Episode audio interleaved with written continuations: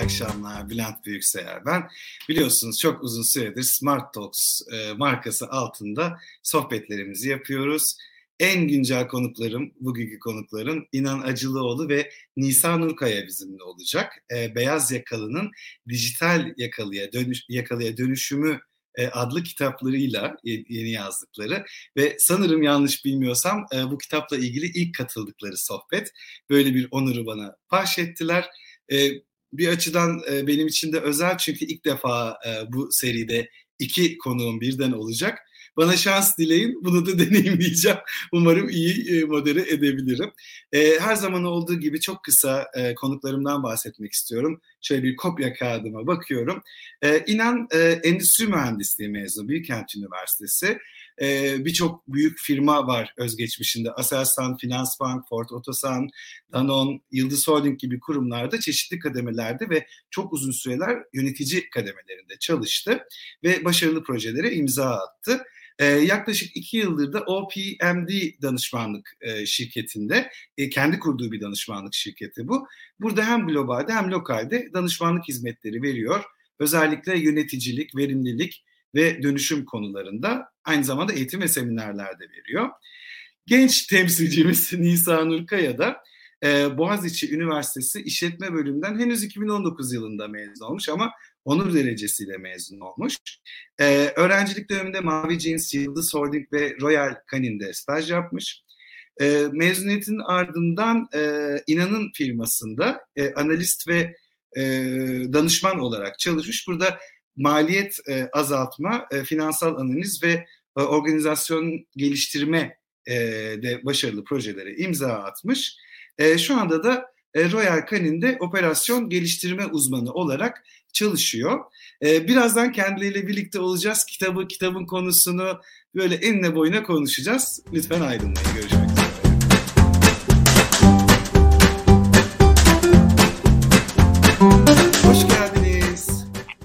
Merhaba. Hoş bulduk. Merhabalar. Ee, ben Nisa'ya gerekli açıklamayı yaptım ama izleyicilerimin önünde de yapayım. Ee, ben bu iletişimleri, bütün bu görsel tasarımları falan e, tek kişilik dev ekip olarak çok önceden hazırlıyorum. Bir iletişim kopukluğu yaşadım kendi adıma ve e, Nisa'yı e, yazılı iletişimde kullanamadım ama hep e, inanla konuşuyorduk. Nisa da mutlaka programa katılsın diye. Ona da böyle e, kamuoyu önünde ufak bir özümü göndereyim. Estağfurullah. Peki. E, o zaman hızlıca başlayalım. E, lütfen arzu ettiğiniz gibi nasıl e, uygun görürseniz e, konuları paylaşabilirsiniz de aranızda ama şimdi kitabın ismi Beyaz Yakalı'nın dijital yakalıya dönüşümü ya. Bir kavramsal olarak başlayalım isterseniz öncelikle. E, Nisa sen cevap ver. Bak kolay soruyu sana soruyorum. e, şu beyaz yakalı nedir? Dijital yakalı nedir? Bize çok kısa anlatabilir misin? Aslında ben biraz daha kendi perspektifimden anlatayım. Ee, ben bahsettiğiniz gibi 2019 yılında mezun oldum üniversiteden. Ee, üniversitemin de son iki yılı aslında stajyerlerle birlikte e, gitti. E, dolayısıyla yaklaşık bir 3-4 senedir e, beyaz yakalılarla bir aradayım. E, bir yandan sürekli bu teknolojileri, işte yeni trendleri vesaire takip ediyordum. E, ama işin içine girince, e, sahaya inince, pratiğe bakınca bu teknolojiler çok da hayatımızla entegre edilebilir gibi durmayabiliyor. Ee, ve hani şu anda mevcut şirketlerde, iş hayatında, e, özellikle benim gözlemlediğim noktalarda e, birçok verimsizlikler, e, belki dijital bazı geliştirmelerle e, iyileştirilebilecek noktalar bulunuyor bu anlamda baktığımızda bence e, beyaz yakalı çalışan e, özellikle bu yüzyılda e, birçok e, kendi işinde e, değişikliğe maruz kalacak. Dolayısıyla bizim e, kendimizi, ben de onların onlardan birisiyim, bu değişime hazırlamamız gerekiyor. Ama bahsettiğim gibi bu e, dönemde insanlarla bir arada olduğumda en çok fark ettiğim şey bu teknolojiler ve iş hayatının arasındaki kopukluktu. Biz de e, bu kitapta biraz o arada bir köprü kurmayı istedik. e, elimizdeki bilgiyi, e, biriktirdiğimiz, öğrendiğimiz şeyleri e, insanlar nereden başlayabilir, nereden bu dönüşüme hazırlanabilirler ve kendilerini dijital çağda ayakta kalabilen dijital yakalılara çevirebilirler. E, bunun için kitabı kaleme aldık diyebilirim. Teşekkür ederim. İnan Hocam peki e, Nisan'ın anlattıkları doğrultusunda neden dönüşmemiz gerekiyor?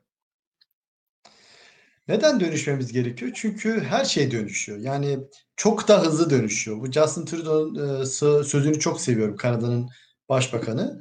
E, değişim hiç bu kadar hızlı olmamıştı.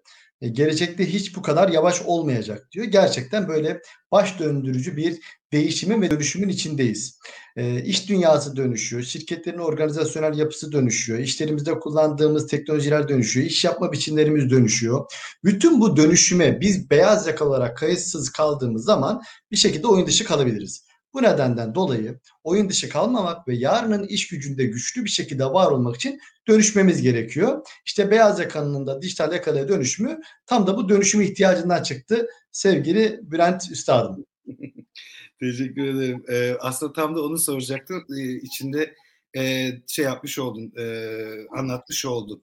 Peki e, biraz bahsettin kitaptan ama e, bu kitabın değer önermesi nedir? Yani bu kitabı eline alan, okuy okuyacak olan e, ne kazanacak sizce?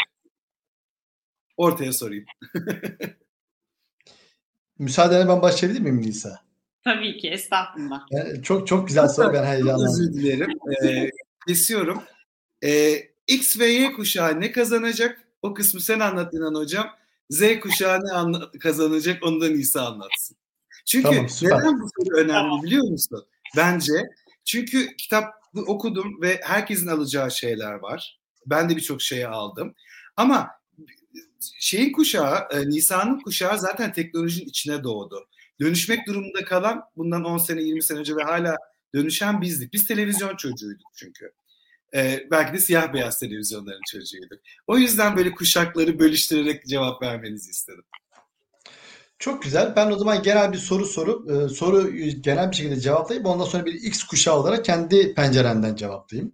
E, bir kere ne sunuyor? Şimdi dijital dönüşüm çok uzun zamandır konuşuluyor. Pandemiyle birlikte çok daha fazla konuşuluyor ama e, biz bir şekilde şirketlerde 2015 yılından bu yana dijital dönüşümü uygulamak üzere bir takım yol haritaları hazırlayıp işte teknoloji hangi teknolojiler nasıl uygulanabilir bununla ilgili çalışmalar yaptık.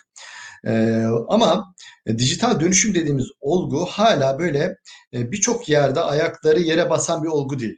Öncelikle bunu bir somutlaştırmak istedik. Dijital dönüşüm nedir? Organizasyonlar, iş yapma biçimleri nasıl değişiyor? Ama asıl amacımız veya asıl değer önermesi bütün bu dönüşümde beyaz yakalı çalışan ne yapmalı? kendini bu dönüşüme nasıl hazırlamalı bir yol haritası pazar, e, paylaştık. Ve bunu bir e, okuyan kişi kendisine çok somut bir şekilde uygulanabilir, pratik önermeler bulacak. Ve bunlar gerçekten kendi işine bir şekilde dolaylı veya doğrudan dokunan noktalardan olacak.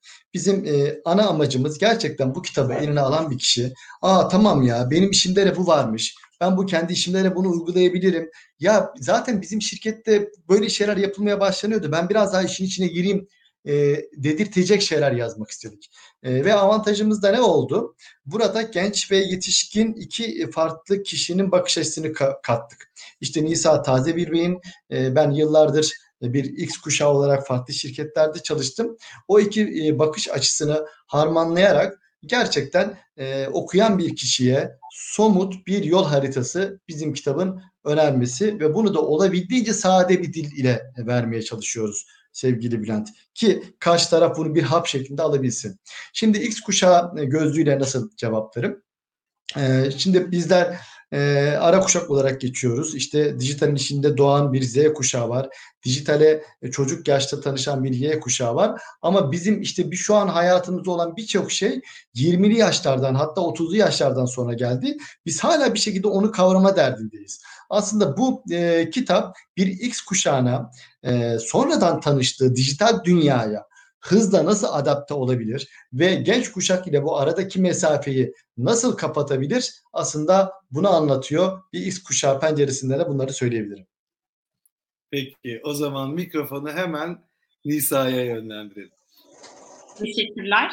Ee, İnan Bey'in özellikle o ilk kısımda dediği şeylere katılıyorum ve şu taraftan yaklaşmak istiyorum ben de. Bence dijital yakalı olmak sadece işte belli teknolojilerden haberdar olmak veya gündemi yakından takip etmek değil de biraz daha zihniyet meselesiyle ilgili bir şey. Dolayısıyla biz de kitabı e, farklı dönemlerde de güçlü tutacağını düşündüğümüz şey bu. Elbette teknolojiler değişecek. Beş yıl sonra belki örnekler değişecek.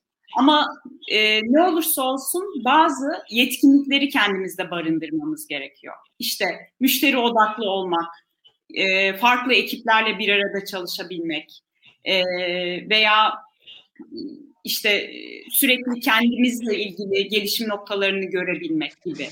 Dolayısıyla bu yetkinlikler e, bir dönüşüm için nasıl gerekli, ne noktalarda yardımcı olabilir? Hatta yer yer pratik örnekleriyle kitapta bulunuyor. Bence bu zihniyeti özellikle yeni kuşağa aktarması anlamında faydalı olduğunu düşünüyorum. Güzel. Peki şu soruyu doğurdu bende. Yine her ikinizin de fikrini çok merak ediyorum. Bu yeni kuşak zaten doğası gereği e, üniversiteyi bitirdiğinde belki şu şimdi değil ama 2-3 sene sonra bence çok uzak da bir tarih değil. Üniversiteyi bitirdiğinde bu zihniyete sahip olmuyor mu? Yani iş hayatına başladığında direkt dijital yakalı olmayacak mı? Beyaz yaka kavramı ölüyor mu yani? E, hangimiz cevap verelim İnan Bey? ben verebilir miyim Nisa? Tabii ki. Çünkü e, bu hafta da bir iş görüşmesi yaptım. E, orada biraz da e, işte bu görüşlerim biraz daha e, netleşti daha doğrusu. E, gördüm biraz daha. Şimdi sevgili Bülent, keşke üniversiteden mezun olan yeni e, gençlerimiz işte dijital çağın ihtiyaçlarıyla donatılmış şekilde mezun olsa ama maalesef öyle olmuyor. Ee, yani üniversiteler bu gereksinimi karşılamıyor veya genç arkadaşlarımız gereken ilgiyi göstermiyor veya genel bir farkındalık var. Hani bizler çok konuşuyoruz, yazışıyoruz ya dijital ile yeni yetkinlikler geliyor, Dünya Ekonomik Forumu yeni meslekleri açıkladı vesaire. Gerçekten biz LinkedIn'de bunun çok yazışıldığını görüyoruz ama benim e, çok farklı şirketlerde temasım var. E, çok geniş kitlelerle görüşme şansım oluyor. Yazışıyorum, görüşüyorum. Maalesef bu farkındalığı edinip bir şekilde kendisine dijital anlamda yetkinlik kazandıran çalışan sayısı maalesef yeterli sayıda değil. Yeterli sayıda diyorum çünkü Türk iş gücünün de Türkiye'nin iş gücünün de buna ihtiyacı var. Bu nedenle yeni mezun bir çalışan, bir beyaz yakalı, dijital yakalı olarak otomatik olarak girmeyecek maalesef iş hayatına. E, işte birkaç gün önce bir iş görüşmesi yaptım.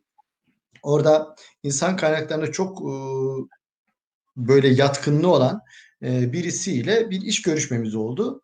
E, ve kendisine işte iş e, yani insan kaynakları ile ilgili e, yapay zeka uygulamalarına ne kadar yakınsın? Var mı birkaç örnek bildiğin gibi bir soru sordum. E, yani verdiği e, cevaplar çok farklı cevaplardı. Yani yapay zekayı dahi bilmiyordu. Bilmeyebilir bu arada. Sonuçta çok farklı kişilerin bir şekilde bunda etkisi vardır ama insan kaynaklarına gerçekten ilgi duyan birisi yapay zeka uygulamalarını bilip orada söyleseydi büyük avantaj sağlayacaktı. Çünkü insan kaynakları fonksiyonu şu an bütün fonksiyonlarda birimlerde yapay zeka uygulamaları var. Ama insan kaynakları en çok yapay zeka ürünlerinin, hizmetlerinin kullanıldığı alan. Yani iş görüşmelerinin bir şekilde yapay zeka ile yapılmasından tut da CV'lerin yapay zeka filtrelerden geçmesine kadar herhalde bir numaradır e, insan kaynakları. En başta gelen birimlerden birisidir. Kitapta tabii en az çeken kısım orasıydı. Değil mi?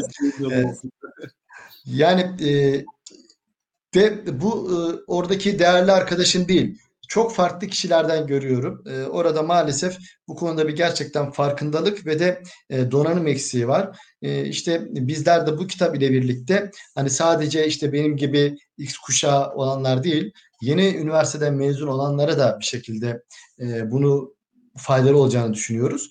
Şimdi biz kitabı yayınlamadan önce farklı kişilere okuttuk. Üniversite öğrencileri de vardı okuyanlar. Onlar gerçekten hatta akademisyen bir e, sevgili e, Yıldız Hocam, Yıldız Şahin Hocam o da var.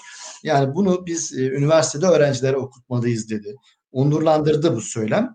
E, diğer taraftan da baktığın zaman gerçekten üniversite öğrencilerin de bir şekilde iş hayatına çıkarken dijital dünya hangi yetkinlikler istiyor onları bilmeye ve kendilerini bu konuda donatmaya ihtiyacı var. Bir de ben burada bir şey eklemek istiyorum. Ee, gerçekten de e, evet bir şeyler değişiyor. Biz şu an bu tek bunlarla e, e, yetişiyoruz. Telefonumuz işte yapay zeka vesaire. Ama gerçekten 10 yıl önce de mezun olan öğrenciler o günün teknolojileriyle yetkin olmalılardı veya daha öncesinde de herkes e, o anın teknolojisine yetkin olarak mezun olabilir. Fakat o kadar hızlı bir dönüşüm var ki o yüzden burada e, o dönüşümü yakalayabilmek ve e, kaç yaşında olursak olalım bunu takip edebilmek açısından ben de kıymetli olduğunu düşünüyorum. Kesinlikle.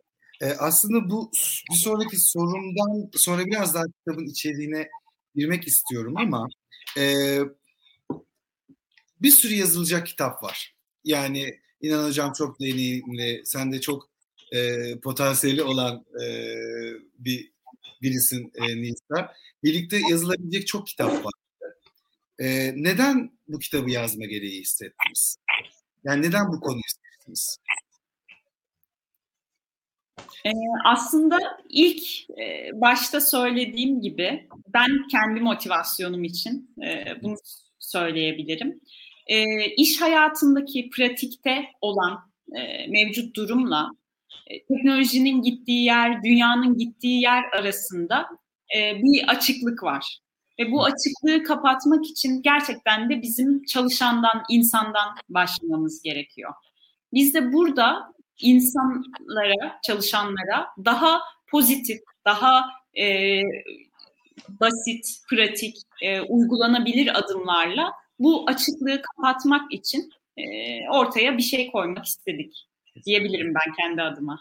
Ee, İnan Hocam sen cevabına geçmeden önce şunu söyleyeyim. Tabii ki bu cevabı çok bariz bir şey. Zaten baştan beri neden olduğunu anlatıyorsunuz. Yani bu kitabın neden yazıldığını. Ee, sana sorum şu olsun. Yani mutlaka işte senin birçok uzmanlık alanın var, şu var, bu var. Yazarlar konuyu nasıl seçer? O arka tarafı çok merak ediyorum. Çünkü mutlaka bir e, konu listesi vardı ve aralarından eliye eliye bu konuya kadar geldi ya da konular topluluğuna.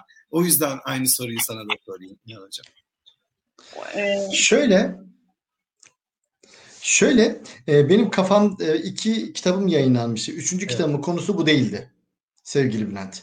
E, ismini de çok seviyorum. E, konusu da e, belli. E, ama işte burada söylemeyeyim. Çıktığı zaman inşallah paylaşırım. Gün gelir de çıkarabilirsem onu da.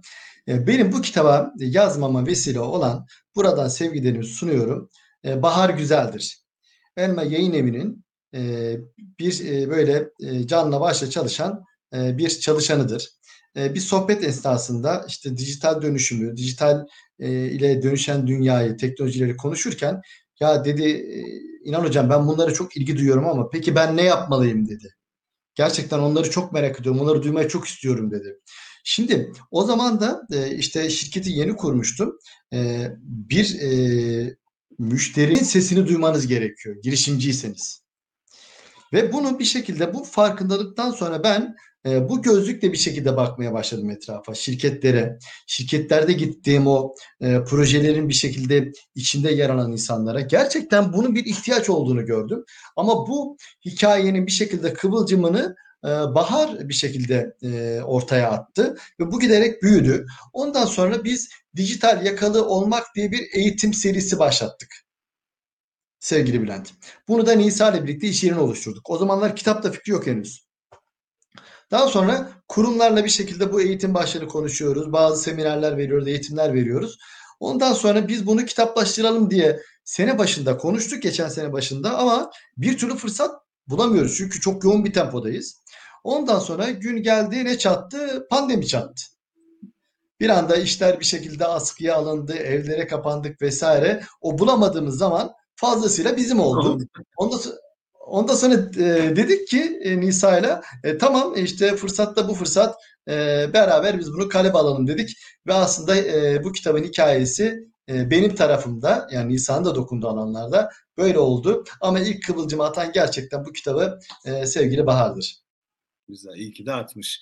Şimdi e, kitabın içindekiler kısmından kopya çekerek e, biraz içeriğine girmek istiyorum. Bir kere çok tatlı bir akış var kitapta. E, ilk başta tabii ki her şeyin ABC'sinden biraz da kronolojik olarak başlamışsınız. Endüstri devrimlerinin versiyonlarından bahsetmişsiniz. Dijital dönüşümün ne olduğunu ve e, dijital yakalı olmanın ne anlama geldiğini daha konuştuğumuzdan tabii ki daha da detaylı anlatıyor. Bir soru var, onun da cevabı da var, farklı bakış açıları da var. Yeni teknolojiler işimizi elimizden alacak mı diyor. Oraya da döneceğiz. E, sonra da yeni teknolojileri anlatmaya başlamışsınız. Yani açıkçası ben kitabın ismini gördüğümde bu kadar detay, yeni teknolojilerin böyle gruplu gruplu, kategorili kategorili anlatılmasını tahayyül etmemiştim açıkçası. Çok hoşuma gitti. Yapay zeka, nesnelerin e, interneti, üç boyutlu yazıcılar, işte Big Data nedir, bulut teknolojileri, AR'lar, VR'lar, blockchain'e kadar yani bu kripto paranın kullanıldığı sistemlere kadar her şey anlatılmış. Yani bir teknoloji özeti de geçmişsiniz aslında aktar. Ee, yani en azından hani ana akım teknolojiler diyebiliriz. Ee, ama bayağı bir %99 muhtemelen. Ee, sonra bu teknolojinin bizim hayatımıza, iş yapış şekillerimize etkisinin anlatıldığı bir eğilim var. De- değerlerin evrilmesi, sonra otomasyonlar, dijital asistanlar, paylaşım ekonomisi, çevik organizasyon seviyeye de bağlamanızı hiç beklemiyordum. Mesela o da benim için sürpriz oldu. Sonra aslında bence kitabın e, hani o ne alacaksın kısmına göre en değerli kısmı başlıyor dönüşüm. Yani dijital yakalı olmak için ne tür yetkinliklere ihtiyaç var? Ne tür becerilere ihtiyaç var? Bunlar çok oldukça detaylı anlatılıyor ve kitap sona eriyor. Şimdi e, ben şunu sorayım hocam. E, İnan hocama gelsin soru. Gerçekten yeni teknolojiler işimizi elimizden alacak mı? Yeni teknolojiler işimizi elimizden alacak mı? Kitapta da yazdım. Bu sorunun cevabı çok tartışmalı. Spoiler, ver, spoiler vermeden söyle hocam o zaman. Öyle mi? Tamam. Ee, ama birazcık da bir faydalanayım istersen Bülent. ee, yani bu çokça konuşuluyor, çok da tartışılıyor. İşte e, farklı e, kişiler var. Bunlar ünlü bilim insanları veya ünlü iş insanları. Çok farklı görüşteler. Bir kısım diyor ki yani yapay zeka başta olmak üzere yeni teknolojiler e, çok büyük işsizliğe neden olacak diyor. Yani e, kitleler halinde insanlar işsiz kalacak ve sosyal patlamalar olabilir. Hatta e, bir kısım e, insan e, evrensel maaş bağlanmasını bugünden gündem almalı diyor devletler. Yani vatandaşlık hakkı olarak çalışsın çalışmasın herkesin bir maaş olması lazım. Yoksa e, yarınımız karanlık diyor. Bir kısım böyle e, karamsar düşünüyor. Ama bir kısım e, e önde gelen kişi de hayır diyor. Yani bu zamana kadar teknoloji hep vardı. Teknoloji iş dünyasını dönüştürdü. Tamam şimdi çok daha hızlı dönüşüyor ama işte dün olmayan birçok iş alanı, sektör, uzmanlık şu an bizimle birlikte ve insanlar oralardan ekmek yiyor diye düşünüyor. Ve de e, insanların oturup para kazanacağı meslek ve iş sayısının artacağını söylüyor bir grup. E, bu iki farklı tartışma e, ama e, bunu bir şekilde araştırmaya döken işte McKinsey, Dünya Ekonomik Forumu gibi e, böyle kurumlar var. Ve onların araştırmaları aslında ikinci olumlu tabloyu ortaya koyuyor. E, yani bizlerin bir şekilde ekmek yiyeceği iş sayısı artacak diyor. E, mesela McKinsey'nin geçen sene bu zamanlar yayınladığı e, işimizin geleceği raporu hem dünyada hem Türkiye'de e, yüzde on civarında 10 e, sene içerisinde yepyeni koltukların açılacağını söylüyor. Şimdi bu güzel haber. Yani baktığınız zaman. Ama bunun içerisinde de gizli bir tehlike var. Alt taraftan hemen diyor ki evet ama yüzde 80 oranında bizim çalışacağımız şu anki işlerin ihtiyaç duyduğu yetkinlikler değişecek diyor. Yani insanların bir şekilde e, ekmek yediği mesleklerde var olabilmek için yeni yetkinlikler donatması gerekiyor diyor. Buradan da aslında şu sonuç çıkıyor. Evet yeni işler, yeni meslekler çıkacak. İnsanların çalışabileceği iş sayısı artacak. Ama bizlerin bir şekilde oralarda oturması için yeni bilezikler takmamız gerekiyor kollarımıza diyor. Çıkan araştırma sonuçları hep bunu söylüyor. Ve e, bunu bir şekilde yapamayan kişiler de işsiz kalacak baktığın zaman. Yani toplum olarak bir şekilde yeni iş koltukları artsa da birey olarak hazırlanmadığınız zaman işsiz kalabilirsiniz. Çıkan sonuç bu. Ee, yeni yetkinliklerle donatmak yani dijital yakalaya dönüşmek bu anlamda kritik. Kesinlikle. Burada gerçekten daha eski kuşaklara çok daha fazla görev düşüyor bence. Yani hala iş hayatında yer almaya devam etmek isteyen kişiler için. Peki sana böyle yeni kuşağın temsilcisi görevini verdik kusura bakma Nisa ama peki bu kitabı oluştururken, yazarken, yaşarken iş hayatını, kariyerine yeni başlamış sayılabilecek başarılı biri olarak hiç bu seni korkuttu mu? Yani dijital e, şey teknoloji işimizi elimizden alır mı konusunu düşündün mü?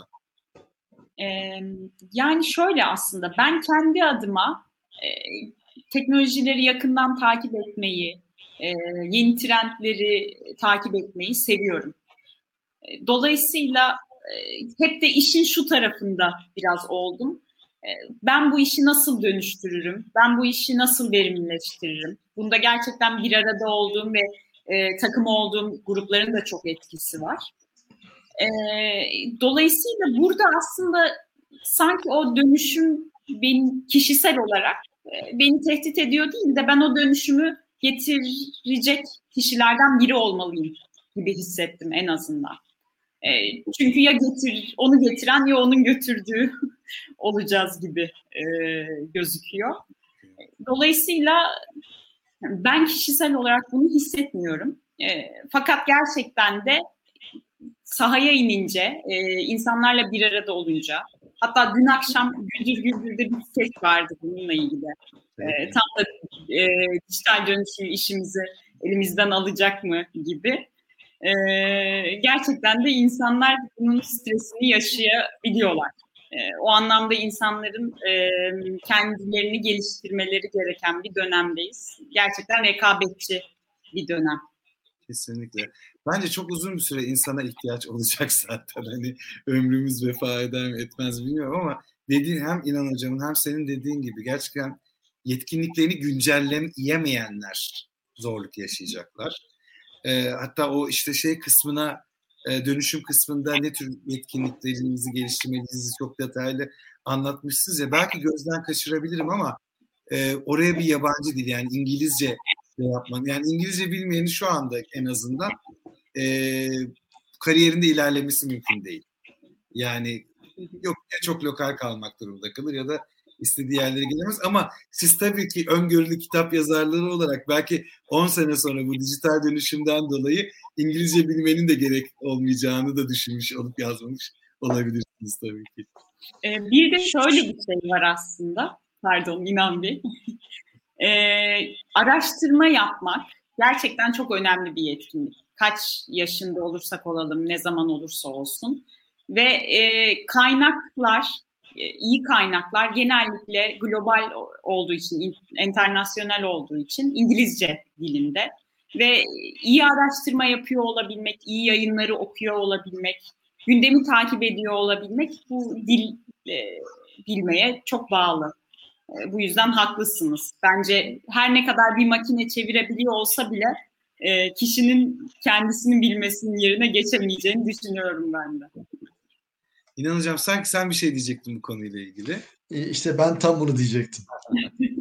Yani İngilizce gerçekten önemli. Oraya biz yazmadık çok temel bir şey olduğu için de. Şimdi oturup kendi işiniz ile ilgili hangi yapay zeka çözümler var? Bunlardan hangilerini ben pilot yapabilirim gibi araştırma yapmanız gerekiyor mesela en temelinde. E, bunu Türkçe kaynaklarda çok kısıtlı görebiliyorsunuz. E, gidip e, İngilizce kaynaklardan bir şekilde teyit etmeniz gerekiyor. Veya işte dijital okur yazarlık. Yine kitapta bahsettiğimiz çok önemli bir şey. Yani e, her taraftan bilgi geliyor ama o bilgi gerçekten doğru mu? Bunu filtreleyebilmek, e, anlayabilmek çok önemli bir meziyet artık günümüzde. Ve e, maalesef Türkçe kaynakları çok ciddi bir bilgi kirliliği var. E, yani yapılan bir araştırmada en çok e, yalan habere maruz kalan e, milletlerin başında geliyoruz Türk insan olarak. Hal böyle olunca farklı Efendim? Nedense hiç şaşırmadım bunu. Yani evet yani üzücü maalesef.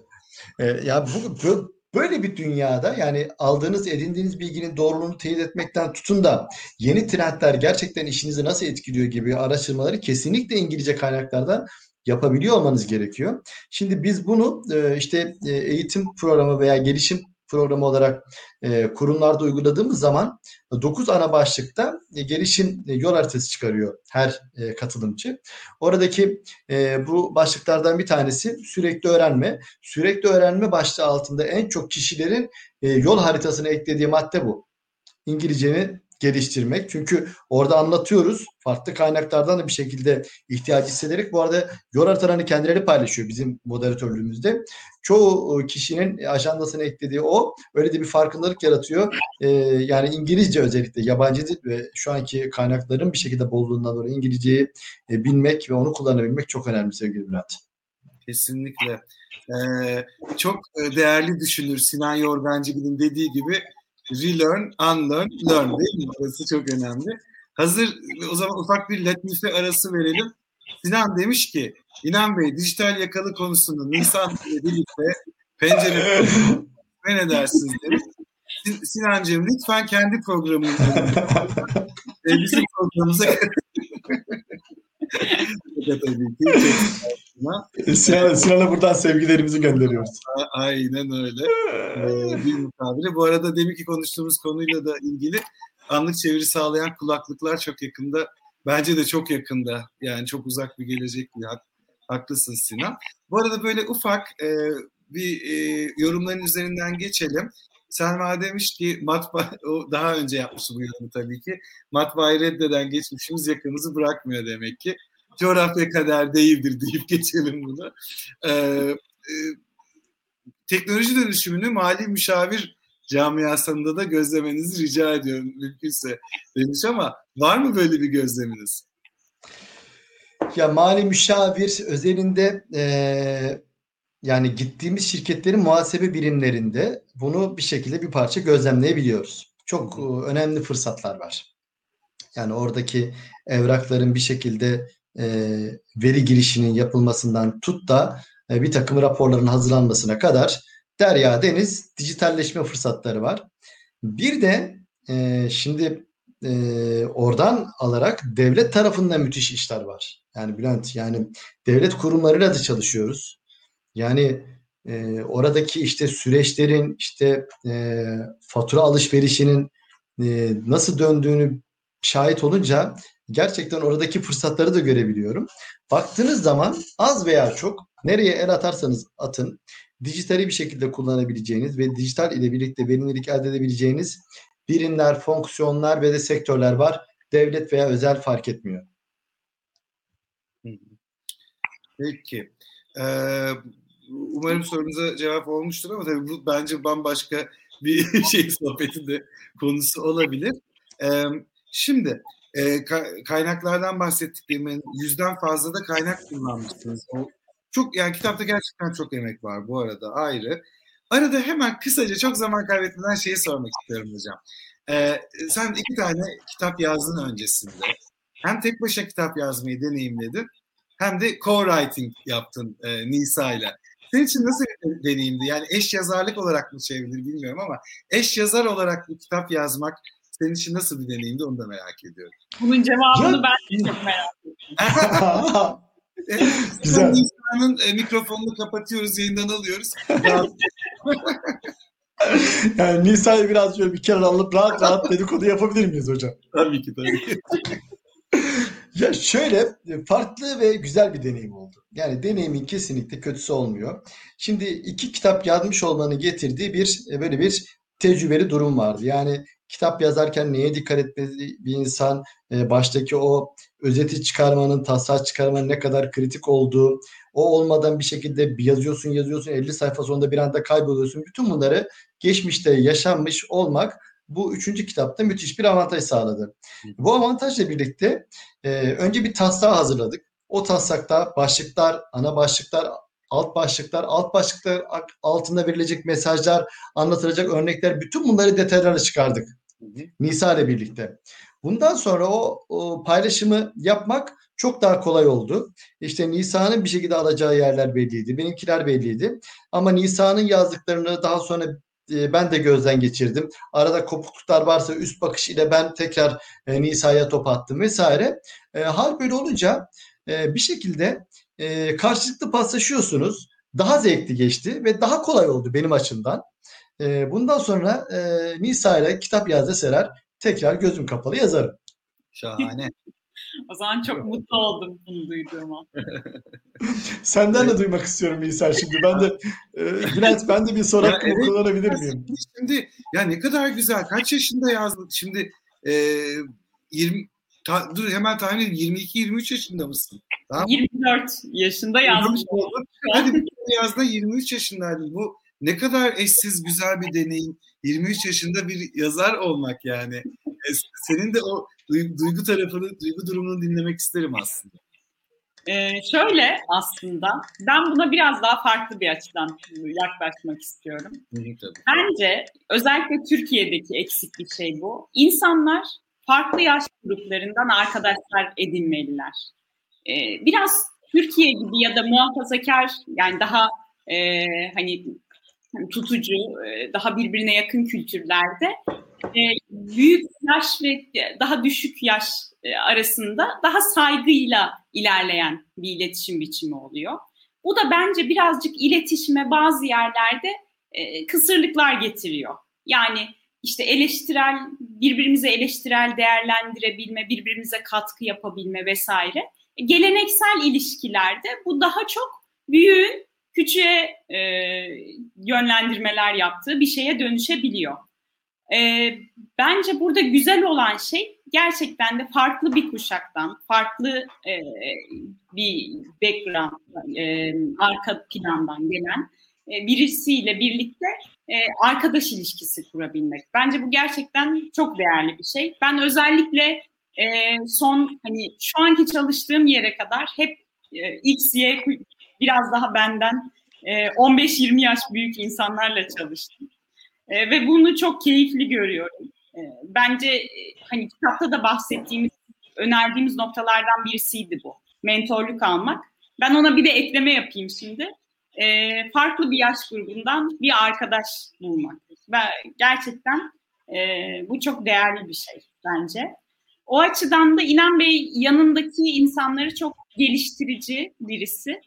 E, kitap yazma konusunda da hani gerekli noktalarda yönlendirmede veya işte bir vizyon olmada e, bir arada ilerlemesi gayet e, keyifli birisiydi. O yüzden ben de teşekkür ederim kendisine. Kesinlikle.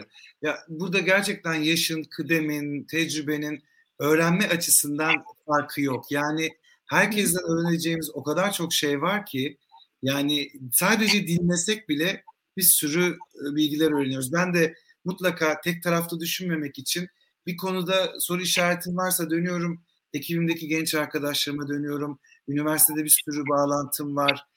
Öğrenci olarak okuyan onlara soruyorum.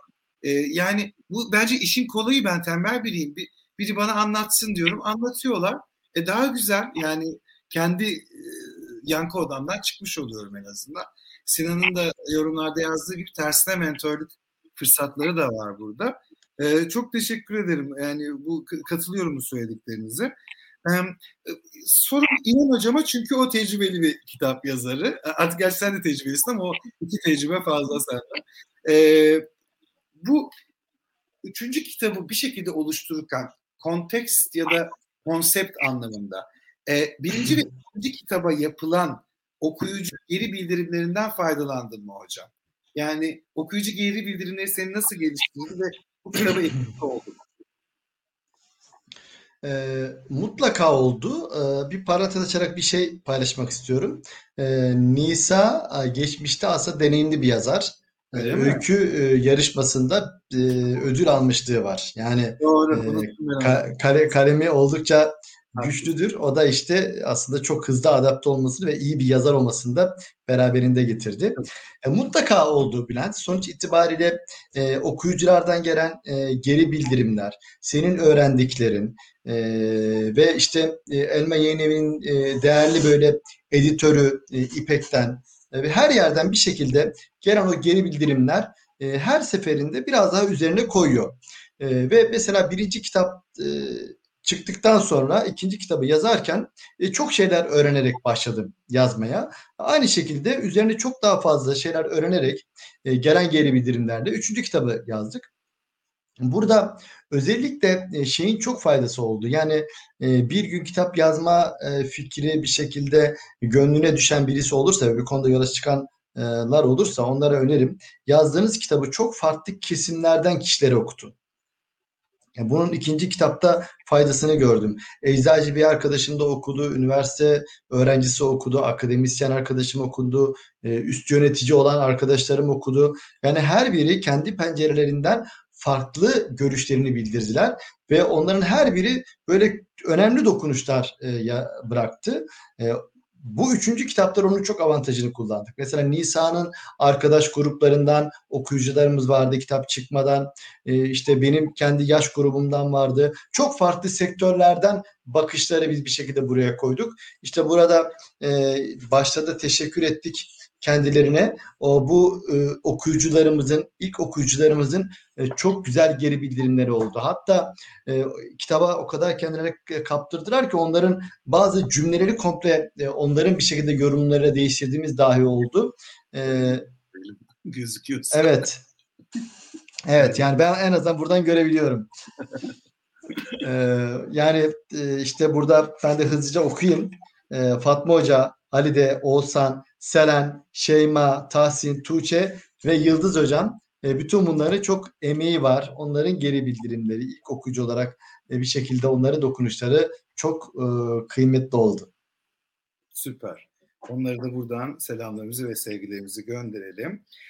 Bu sorum her ikinize de e, hanımları önden diyeceğim.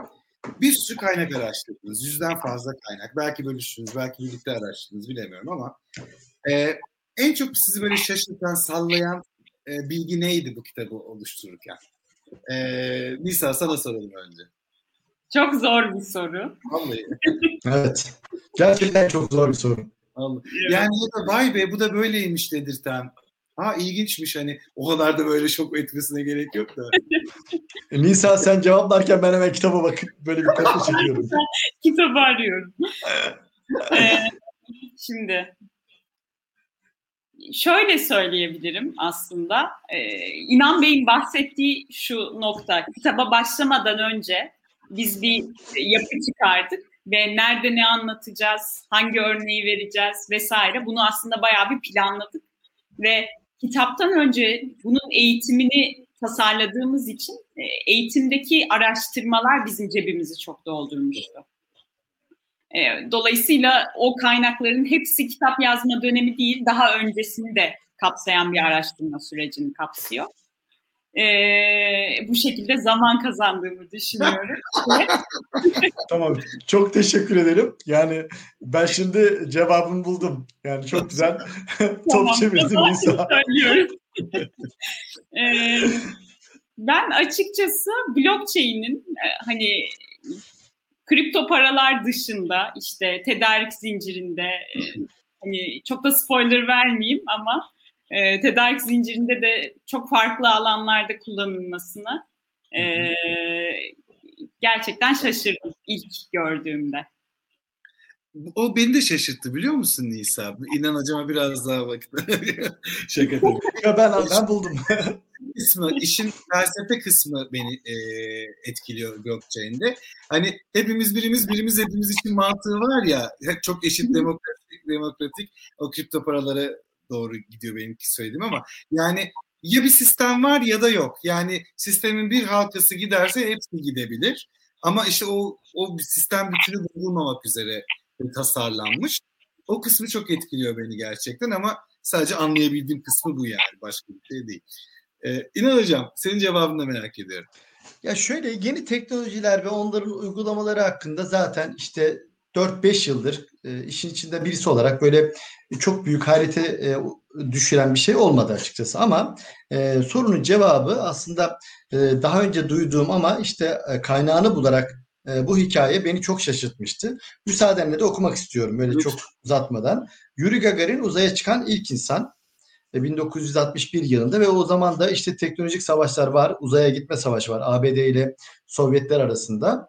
Ee, ve e, Sovyetler kazanan taraf oluyor. Yani teknoloji savaşları veya şu an Çin ile ABD arasındaki o e, rekabet o zaman da Sovyetler ile ABD arasında var. E, Yuri Gagarin'in hikayesini okuduğum zaman daha doğrusu bulduğumuz zaman bir şaşırtmıştı. Bir çiftlikte marangoz olarak çalışan bir babanın oğlu olan Gagarin zorlu eğitim şartlarından geçti. Uzaya gitmek için gerekli olan dayanıklılık testlerini başarıyla tam, tamamladı ve rakibi German Titov ile aynı puanları aldı. Ancak Sovyet yönetimi uzaya gidecek ilk insan olarak rakibi yerine Yuri Gagarin'i seçti. Çünkü Yuri Gagarin güzel gülümsüyordu. Yıllar sonra 1996'da verdiği bir röportajda o dönem kozmonot seçimlerinde yer almış olan kozmonot eğitimi Sezar Solovdov Gagarin'e kazandıran gülümsemesi olduğunu açıklayacaktı. Ve şöyle bağladık. Değişime adapte olmanız, yeni teknolojileri işlerinize entegre etmeniz, hibrit çalışan olmanız, müşteriyi odağa almanız, çözüm odaklı olmanız, dijital yetkinlikler kazanmanız sizi dijital çağa hazırlar. Bir gülümsemeniz ise fark yaratır. Çok güzel. Ya bu bu hikayeyi okuduk. Gerçekten yani e, teknolojiyi çok iyi kullanabilirsiniz. Yapay zeka bir şekilde sizin işinizin kalitesini, hızını arttırabilir ama o insani ilişkiler, insan olmamızdan kaynaklanan o sosyal etki e, işte ve onun da e, bir şekilde yüze ve dışa yansıması olan gülümseme e, hiç e, etkisini azaltmayacak sevgili Bülent. Bunu bir şekilde bu hikayede çok net olarak gördük ve kitabın da kapanışını bu satırlarla yaptık. Ee, İnan Hocam hala yayınımızda sızma var. Ee, Sinan Hocam sızıyor arada. Diyor ki hadi bakalım sen cevap ver. Seni en çok etkileyen kısmı neydi? Ben onu merak ettim diyor.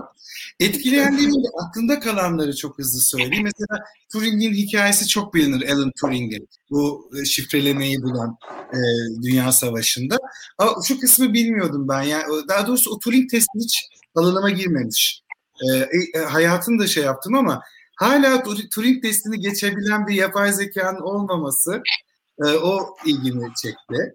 E, hani bir gün aşılabileceğini düşünüyorum. Adamın kaç 10 sene önce yazdığı bir testi hala yapay zeka o seviyeye gelmemiş. Yani o şey öngörü ile yapılan bir test nasıl bu kadar başarılı olabilir?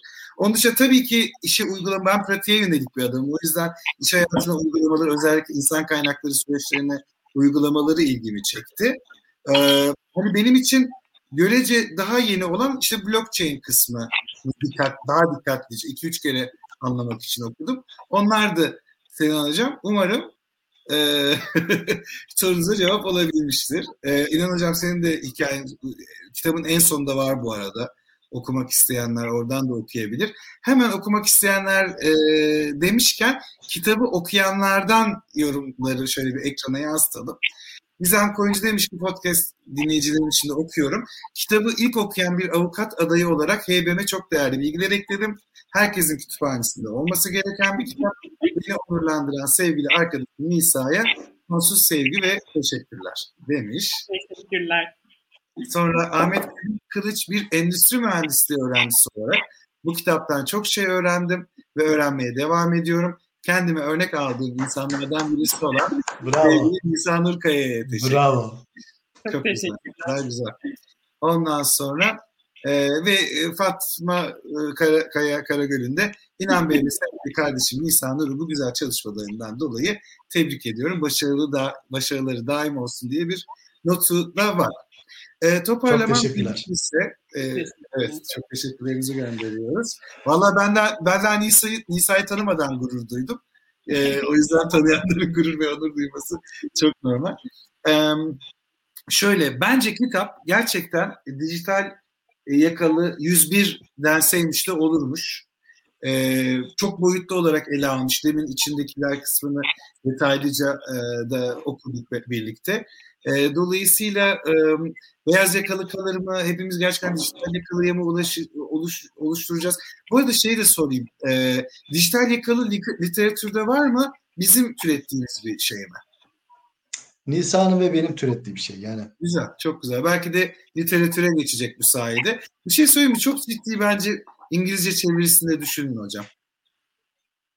Evet evet. Yani aklımızda e, bu birkaç ay sonra yayın eviyle beraber masaya yatıracağız. Aynen öyle. Yani e, bilmiyorum yurt dışında var mıdır bu konuda mutlaka kaynak makale çok ama mutlaka. bu şekilde bu kapsamda farklı olabilir gerçekten. Ben çok memnun oldum bu kitabı okuduğuma her şeyden önce. Ee, çok tekrar okuyacağım kısımları da olacak bu arada.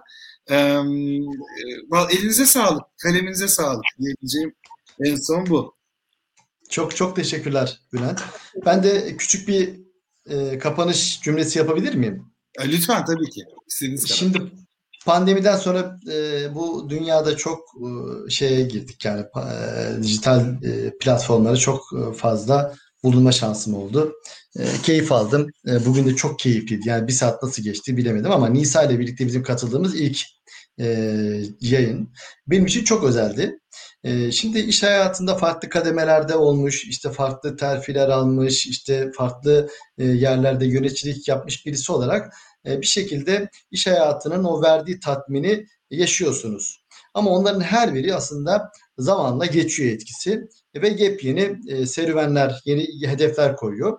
Ama iş hayatta bazı şeyler var ki onların bir şekilde e, verdiği o tatmin ve mutluluk duygusu çok daha uzun ömürlü oluyor.